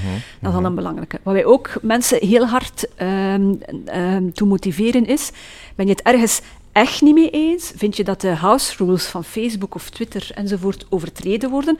Of denk je zelfs, het gaat hierin tegen de wet? Eh, wij noemen dat notice en takedown. Eh, laat het weten, rapporteer hè, aan de sociale media en, en dan moeten zij ingrijpen en Ja, bijvoorbeeld is... eh, ja, een waarschuwing geven, een post verwijderen. Dan hebben we het al over de limieten die overschreden worden, bijvoorbeeld de wettelijke limieten. Ja, maar het werkt En in, en in, niet echt, wacht, hè. in hele uitzonderlijke gevallen, dat kan om een pagina gaan, dat kan om een moderator van zo'n pagina gaan, dat kan om een account gaan. Als wij inderdaad merken, keer op keer, het gaat niet om één tweet, hè, het gaat niet om één like, het gaat niet om één post, maar als keer op keer dezelfde groep haatdragend eh wordt behandeld, of soms hebben we ook al meegemaakt, hè, echt oproepen tot geweld, dan zullen wij wel ingrijpen. We zijn ook trusted flagger, eh, trusted partner van de sociale mediabedrijven. En dan zullen wij vragen om die post eh, weg te nemen, heel uitzonderlijk, om een account te sluiten. Ik zeg direct, niet altijd voelen we ons daar goed bij. Ja. Want wie controleert de controleur? Voilà. Ik ben blij dat we- je zelf... Ja, de- want wie controleert ons in onze functie als trusted flagger? Wij, wij doen dat dus ook heel zelden, hè. behalve als we echt overtuigd zijn van hier gaat men echt te schreef over, die post, dit kan volgens ons echt niet. Wij leggen dan ook uit, hè. volgens ons is het wettelijk kader overschreven, want dit en dit. Maar je hebt dan ook nog een keer de sociale mediabedrijven, hun eigen house rules, waarvan dat je dan denkt... Ook Amerikaanse wetgeving. Ehm, dus- Oké, maar binnen welk kader? We hebben hier wel een Belgische wetgeving. En soms gaat Facebook ook heel ver. Bijvoorbeeld naakt, hè, ik zeg maar wat. Eh, borsten worden heel vaak gecensureerd, waardoor op een gegeven moment eh, klassieke schilderijen, Rubens, noem maar op, eh, door, de, door de filter van Facebook Sure. niet meer geraakten. En dan moeten we wel een keer afvragen, wow, hè, want Facebook, ik denk dat de helft van de Belgen of meer eh, daarop zit. Ik dus- Absoluut. ik heb Een groot even- aantal, ja, ik sowieso. heb even de cijfers niet nagekeken voor, voor eh, dit gesprek. Eh, maar dan hebben die wel macht. En wie controleert dan de sociale mediabedrijven? En dan denk ik dat er echt een duidelijke regelgeving moet komen die de vrije meningsuiting Ik denk, garandeert. ik denk dat we, en dat gaan we sowieso nog verder op diep gaan zelf gaan, Ja. maar ehm, wij doen af en toe ook een advertentie bijvoorbeeld, met, met, met snippets. Ja, En ehm, we hadden een snippet met Tom van Grieken, waar er eigenlijk niks zot in werd gezet, gezegd. Ehm, het is letterlijk een discours, gelijk dat we hier voeren. Hè. Zeg uw mening en dit en dat. En werd geweigerd. Tot twee maal toe. Dus dat vind ik enorm geschift eigenlijk. De macht dat een, een social media platform hebt, hè, want je, je hebt het dan over wie controleert inderdaad wie. De macht dat die hebben om, om dingen te weigeren of niet, ja. ja. En ik En denk... dat, is, en dat is nu een discussie. Eh, Ik ben ook actief in internationale organisaties. En we hebben het daar ook soms over. Hè. Wie, wie controleert de controleur? En wat met de sociale mediabedrijven? Daar zou toch een andere regulering moeten komen. ja. Sowieso. En ik denk dat Jack Dorsey, eigenaar van eh, Twitter, dan, dat ook zelf zegt. Hè, dat ze er zelf ook super hard mee struggelen. Van hoe moeten we dat doen? Hoeveel transparantie moeten we bieden? Wanneer is genoeg genoeg? Wat is de definitie van genoeg? En wat moeten we wel of niet doen om daaraan te komen? En als Ja. je geband bent, is dat permanent? Kunnen terugkomen? Dus ik al die vragen, maar je merkt wel, en je zegt het nu zelf, we moeten dat in een regulering gaan steken, maar dat betekent wel dat vrije meningsuiting, dat dat meer en meer een minder grijze zone gaat worden. En ik weet niet of het altijd goed is. Ja en nee, omdat de, dat, om, omdat de rechtspraak, eh, Europese rechtspraak, ook duidelijk in het voordeel van de vrije meningsuiting is. Die gaat heel ver. Terecht, hè? dat is ook een, een, een waarde, Ja, een mensenrecht dat wij dus blijven zeker. verdedigen. Maar, maar de, de situatie vandaag is ook, ook niet 100% goed. Nee, nee, nee, sowieso. Dus, eh, laten we het parlementaire debat voeren, laten we het maatschappelijke debat voeren. Waar liggen eh, de grenzen? Hoe moeten we het regelen? Hoe, moet, hoe moeten we het organiseren? Maar dan komt je een beetje Ja. terug in wat ik er straks zei, van eh, kunnen dingen niet verschuiven. Eh, er zit je regelmatig op social media, een woord wordt gebruikt om een groep duidelijk te benadelen. Ehm, Dat sociaal mediakanaal band dat woord. Ik denk dat Twitch overlaatst dat probleem had. Ik weet niet meer exact met wat streamingkanaal.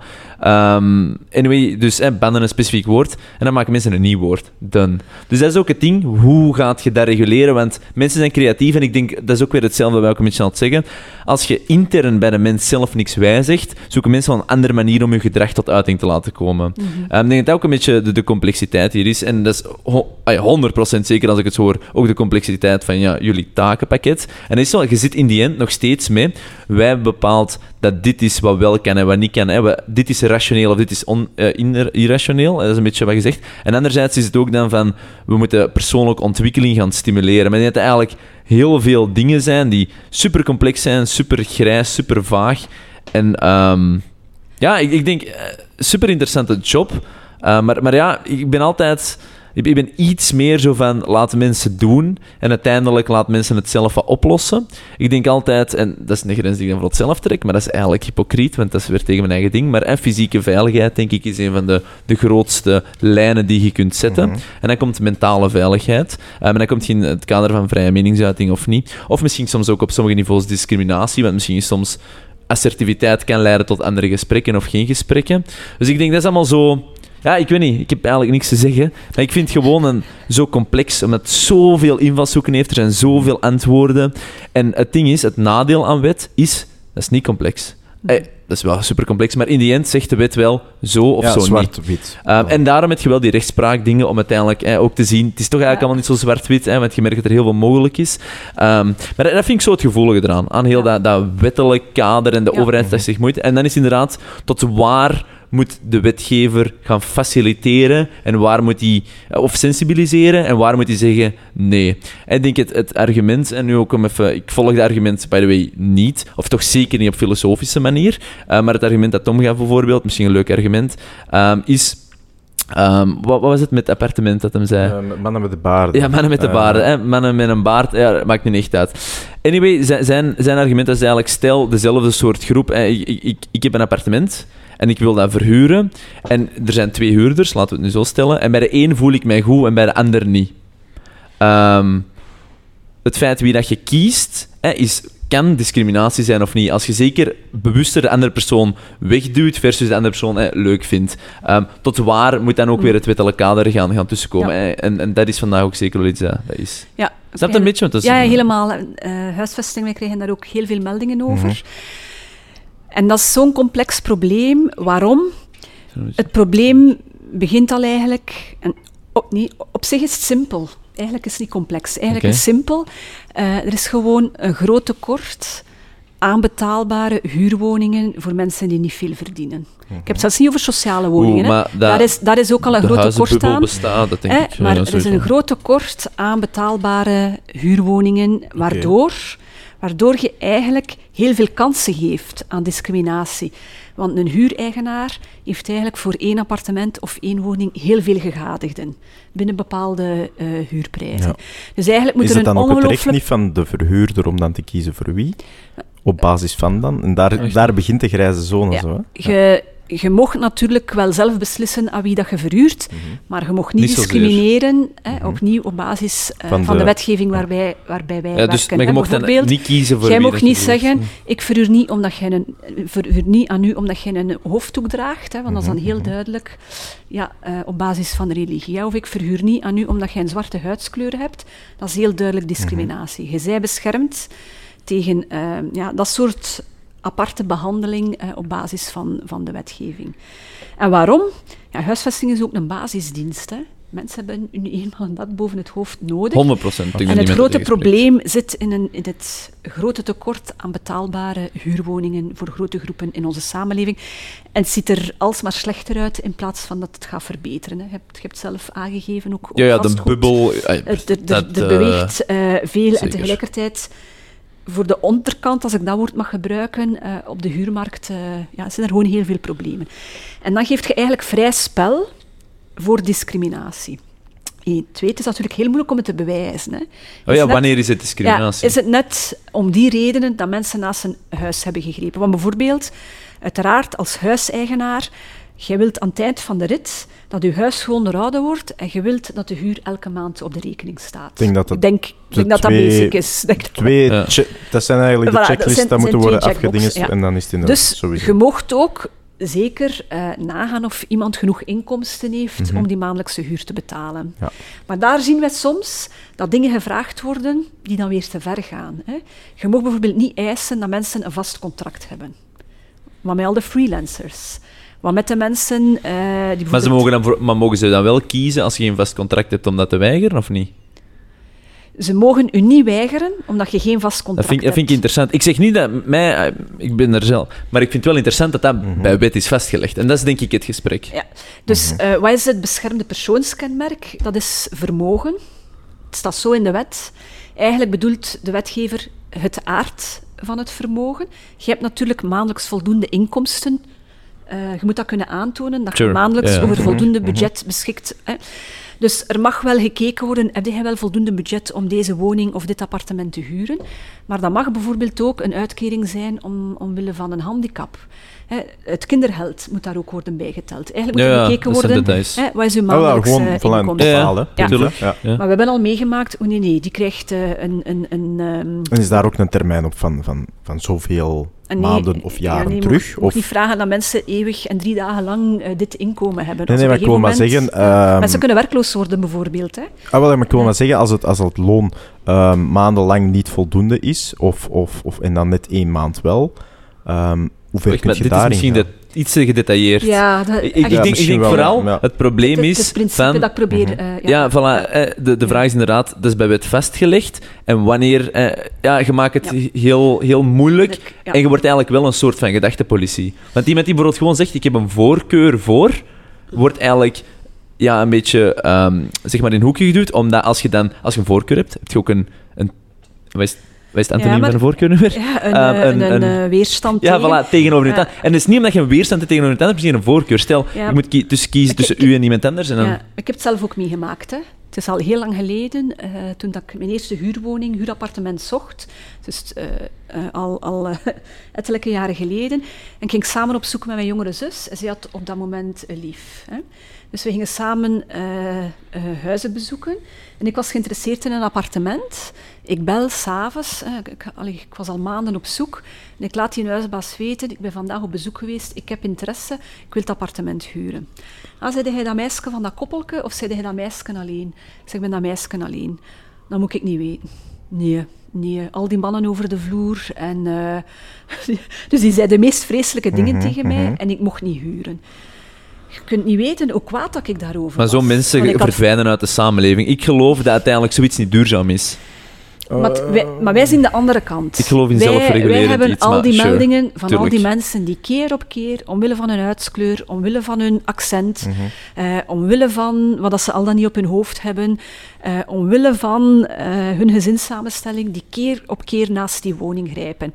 En de eerste keer dan heb je nog goede moed. En de tweede keer ook nog. Maar als je dat 10, 20, 30, 40 Sure. keer tegenkomt, dan zit u dat wel eh, helemaal hoog. Terwijl we het wel over een basisbehoefte hebben. Maar opnieuw, Mhm. de root of the problem is, er zijn te weinig betaalbare woningen. Tuurlijk, maar en ik denk ook, hè, discriminatie ja. is er. En iedereen is al gediscrimineerd geweest op een of andere manier. Mhm. Maar eh, er zijn inderdaad soorten groepen mensen die er veel meer mee in aanraking komen Ja. dan eh, ik. Ja. De- Ontegensprekelijk. En daar vraag ik wel begrip voor. Want ik krijg dat soms nog... eh, En begrip is ja. hier het juiste woord. Ja. En ik denk, begrip en wettelijk kader zijn twee heel andere woorden. Ja, maar ik krijg soms nog die opmerkingen van eh, voelen sommige mensen zich niet een slachtofferrol en roepen ze niet heel vlug discriminatie.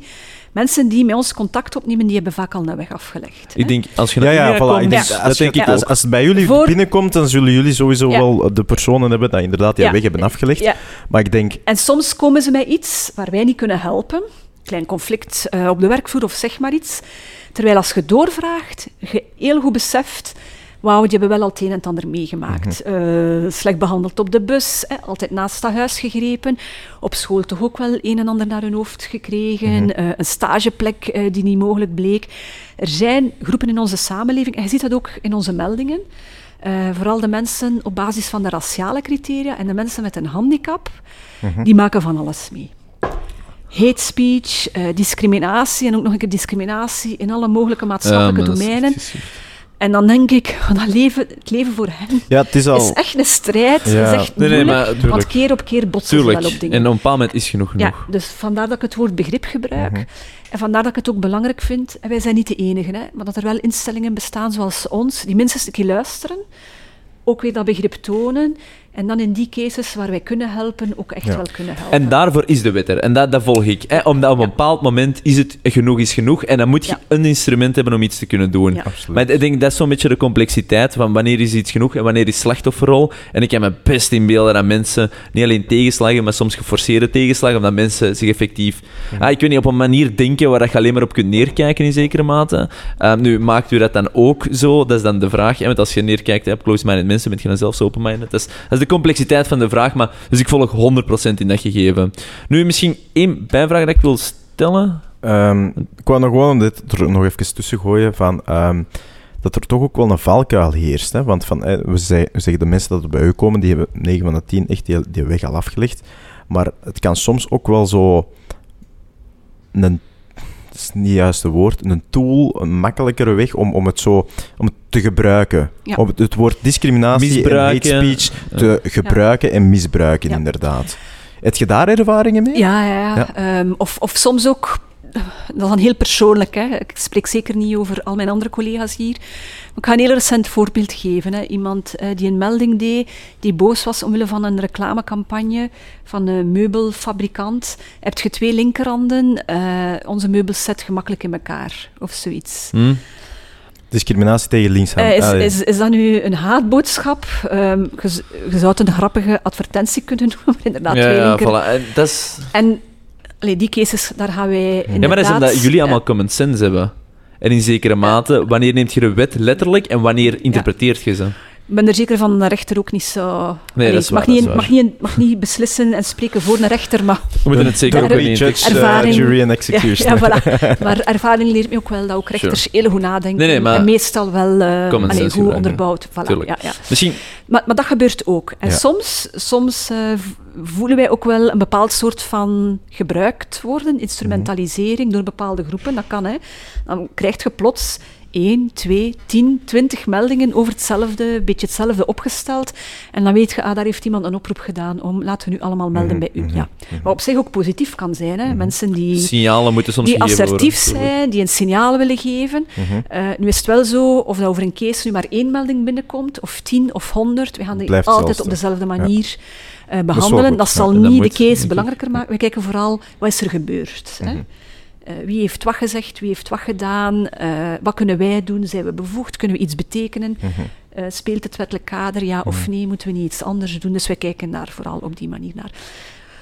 Maar je hebt iets gezegd dat mij getriggerd heeft, Ja.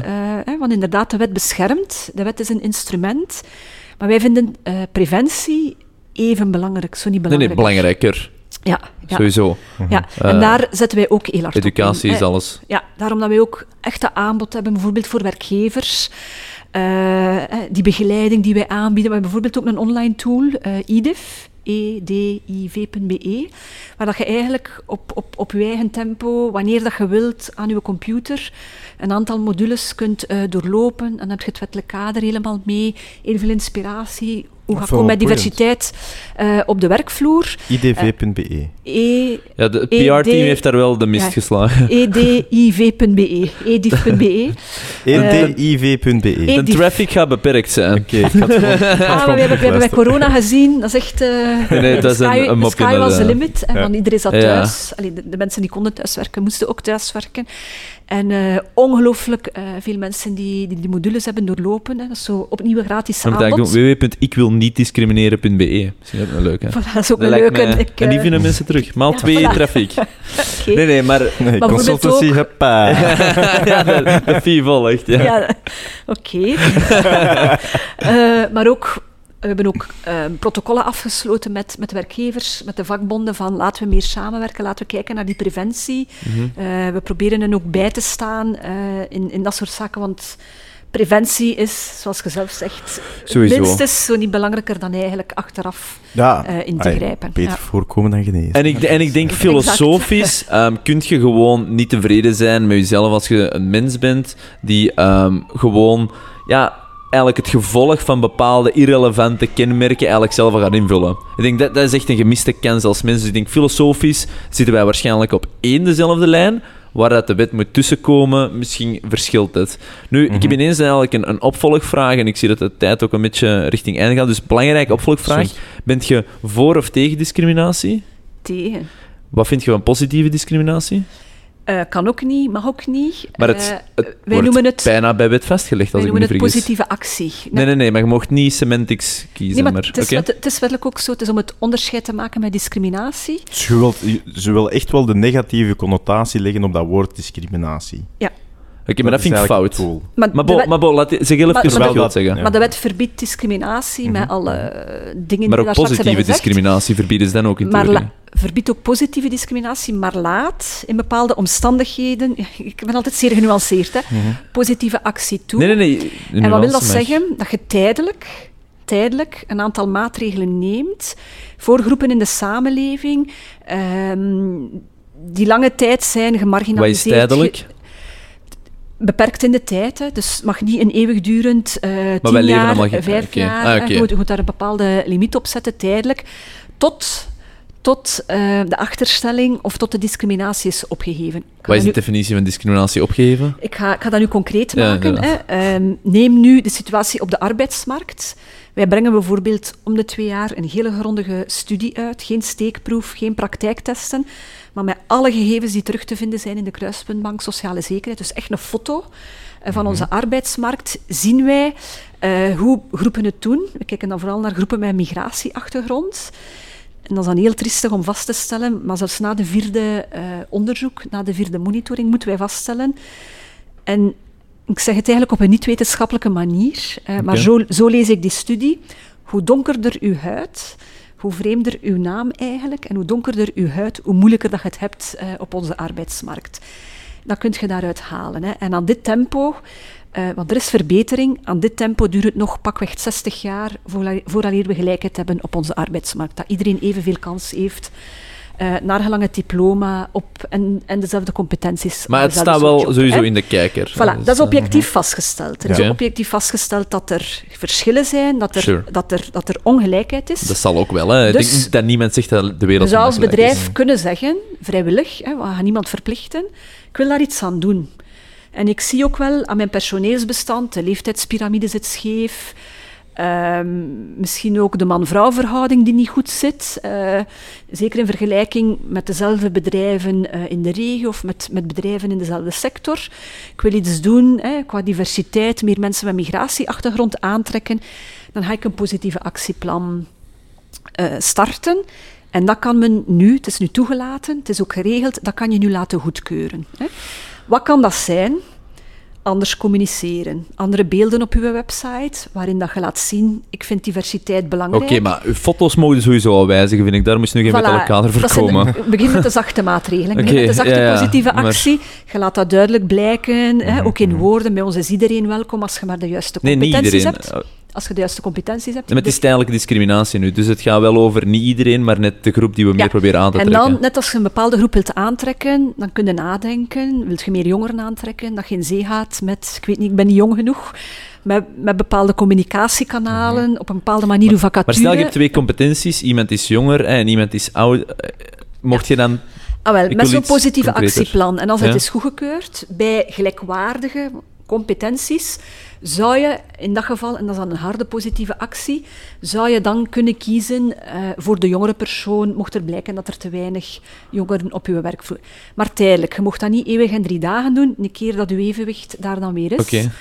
Dan moet je eigenlijk weer... Maar dus, om heel even gewoon advocaat van de duivel te spelen, stel ik heb een bedrijf, we zijn met een twintigtal mensen, 19 mensen zijn vrouwen, dan mag ik vanaf nu ook stoppen met vrouwen aan te nemen en even naar mannen gaan alleen bij gelijkwaardigheid. Stel, er is geen gelijkwaardig nu, hè, 19 Stel dat al de mannen die zich bij u komen aandienen echt niet de juiste competenties hebben en echt niet geschikt zijn voor de job, dan zou dat Maar als bedrijf neemt je ook geen ongeschikte mensen aan. Dus... Waarom zou je dat doen? In principe niet, hè, maar soms merken wij toch um, het andere geval dat mensen niet de job krijgen of niet de promotie krijgen omwille van. Nee, nee maar wat, ik zei, dat mocht dan. Hè? Ja. Dus dan ook stel ik heb mensen die dan minder gemakkelijk de, de arbeidsmarkt betrekken. Mag ik ook um, ja, dan enkel plankje mensen aannemen. Dus er is toch een mega gevaar. Dat is een gevaar. Dat vind ik al tricky. Waarom? Uh, maar nee, maar ik vind het ook tricky. Maar daarom, het, kan heel snel misbruikt worden, het instrument misschien. Maar daarom dat, je, dat het ook wettelijk is geregeld en dat je echt een plan moet maken, dat je moet kunnen laten goedkeuren. Daar is een commissie voor. dat is allemaal geregeld. Hè? En je moet dat plan laten goedkeuren, net om het gevaar op discriminatie uh, te vermijden. Wat is discriminatie? Ik vrees in dit geval wel, omdat je spreekt over een groep van mensen die wellicht op de arbeidsmarkt het net heel moeilijk heeft. En dat niet objectief is aangetoond. Maar, sorry, maar niet heel, als we het nu heel simpel willen trekken, en het gaat bijna altijd over huidskleur, dus laten we even gewoon huidskleur gebruiken. Niet iedereen die blank is, heeft het gemakkelijk.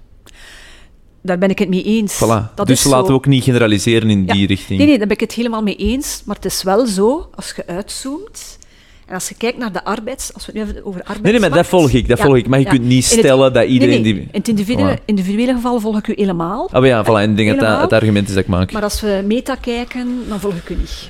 Nee, nee, nee. En, en daar is gewoon statistiek. Dat kun je gewoon objectief concluderen. Dat spreek ik helemaal niet tegen. Maar het is niet omdat 1% eh, niet goed is, dat 9% wel goed is, dat die 1% er niet toe doet. En ik denk dat dat een beetje het argument ook is. Dat, ook dat advies geven wij bijvoorbeeld. Hè. Mensen die iets aan de diversiteit willen doen op hun werkvloer, in gelijk welke richting. Hè. Bijvoorbeeld, hier werken ook veel meer vrouwen dan mannen. Dat is een beetje typisch uh, voor onze sector.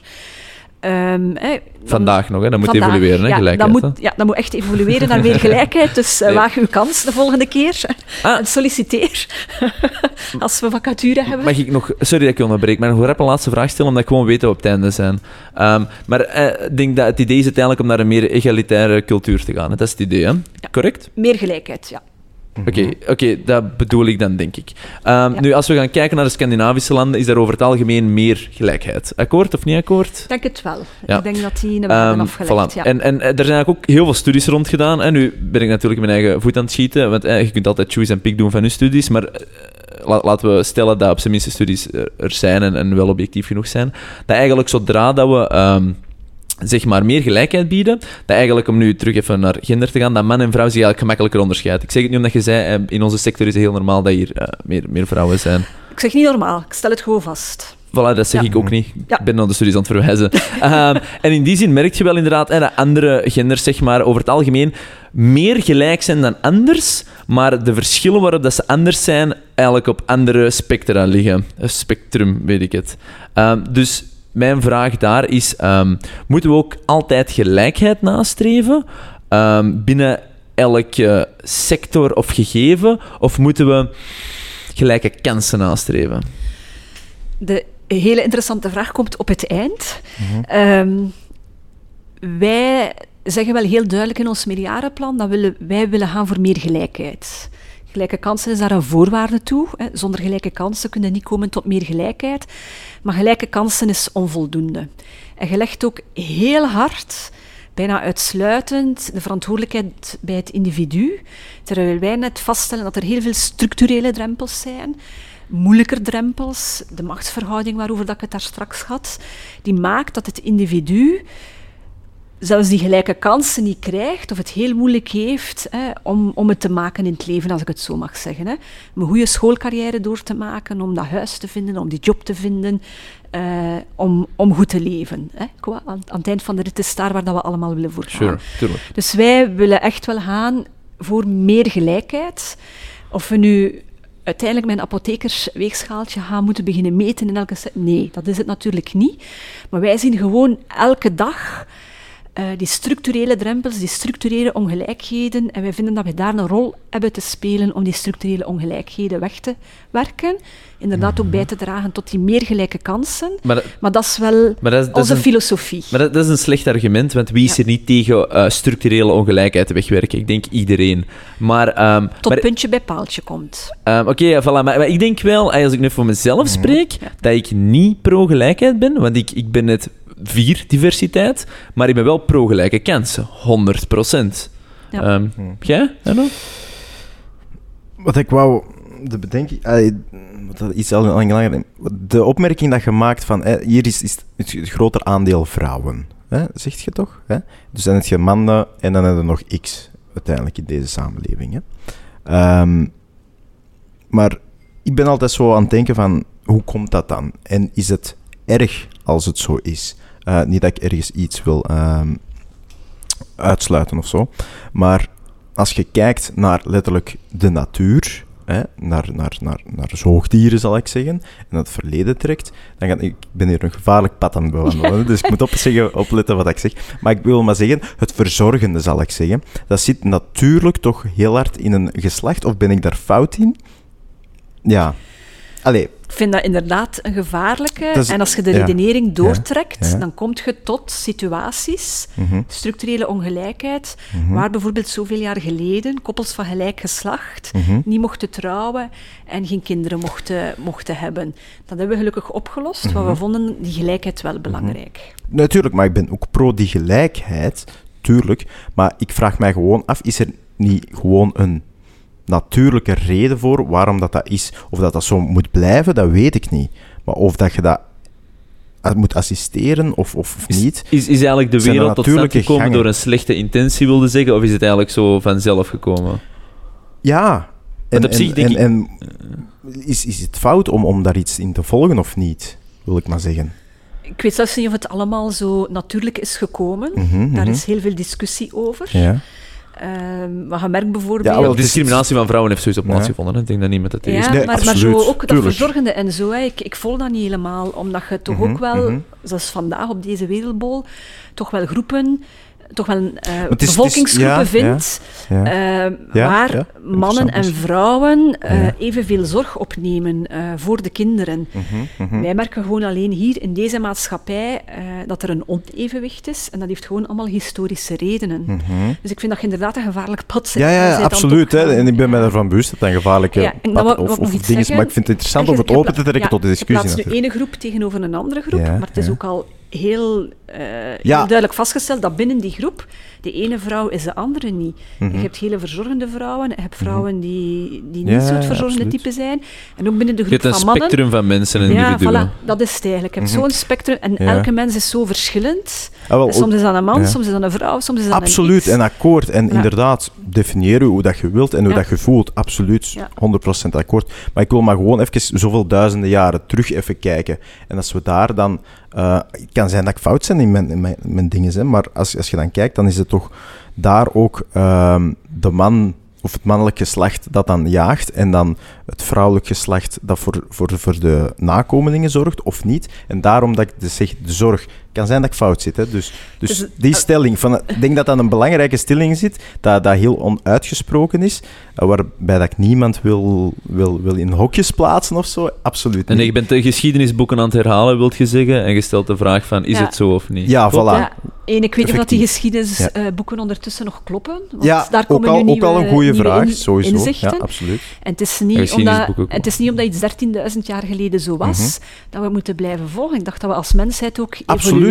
Absoluut. Eh, vroeger Maar- klopten, klopten we ook elkaar de kop in. Hè, om, absoluut. of ook niet. Er zijn ook volkeren die echt zeer sterk Maar zijn. het zijn wel boeiende vragen, wel. Heel boeiend, ja. Toch? ja. En, en is het dan ergens ook, want uiteindelijk zijn we maar een ontwikkelde maatschappij van een paar duizend jaar, zullen we het noemen. Mhm. Ehm, wat dat op de tijdlijn echt niet veel is. Absoluut niet. Dus is het dan ook niet gewoon niet abnormaal dat we nog steeds in die huidige structuren zitten? Misschien wel. ehm, maar dat mag geen reden zijn om te zeggen, sit back and relax. En het gaat allemaal vanzelf Nee. goed komen. Dus daar, daar ga Nee, nee, dan dat ook zeg ik tegen niet. Maar ermee, van- we zitten nu zo Ja. op, op, op, op dat punt gekomen van die technologie, die globalisering is daar, dus alles gaat snel, snel, snel, snel, snel. En ineens, mensen worden bewust, want het, het, het, het dingen is weggenomen, het overlevingsinstinct is weggenomen, want eh, je gaat aan de lijst en je hebt je eten, punt.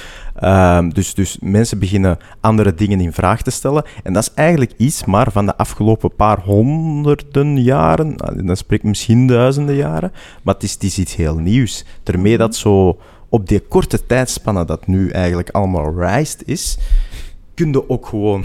Echt, de microfoon hier mee.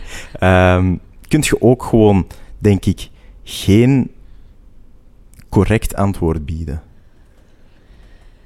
Denk ik. Ehm, Je misschien. Je, kunt ja. zeggen, je kunt zeggen, Alles is een tijdsgeest, wilde we zeggen. ja, een beetje. Een beetje.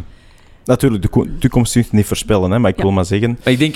Ik we zijn heel zoekende. Dat is, dat is het woord eigenlijk vandaag. We zijn heel, Heel zoekende. zoekende, ja. Maar ik denk niet dat je iets of, of heel weinig dingen met 100% eh, overtuiging kunt zeggen.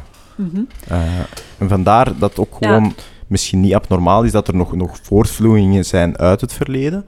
Ehm, wat niet wil zeggen natuurlijk dat die correct of niet correct zijn, of dat die moeten bijgestuurd worden of niet, of dat het zijn eigen kan gaan, gang kan gaan, of dat het effectief Ja. moet ergens naartoe gewerkt worden.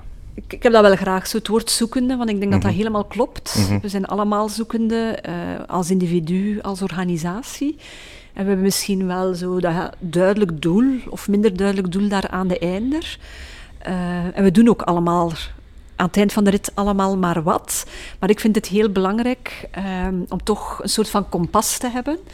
En mijn kompas zijn nu eenmaal die mensenrechten. Mhm. Eh, ik vind die heel belangrijk. Er is over zijn nagedacht. absoluut Die zijn er ook niet zomaar gekomen. Sowieso. Hè. We hebben, Die we zijn hebben als- essentieel voor de samenleving Mhm. vandaag. Ja, als maatschappij hebben we eh, redelijk wat watertjes doorzwommen en, en die mensenrechten zijn daar met een reden gekomen. Die zijn voor mij ook zo mijn innerlijk kompas. Mhm. En zo probeer ik in het leven te staan. Ik probeer dat ook mee te geven aan, aan, eh, aan mijn zoontje. En daarom dat ik ook ja, die jobs doe eh, die daarin passen. En, Ja, makes ja, co-directeur Je bij moet zelf Unia een believer zijn. Hè. Je Ja, kunt... voilà. eh, Natuurlijk, voilà, je moet, Maar je moet een... bent eens, we je- zijn ja. zoekende. Voilà, Sowieso. exact, En, ja. en ik, ik denk ook wel dat zo... ehm, je zit constant zo, en daar hebben we het al vaker over, en het is misschien ook ineens een goede noot om op af te ronden, maar in die constante beweging eigenlijk van actie...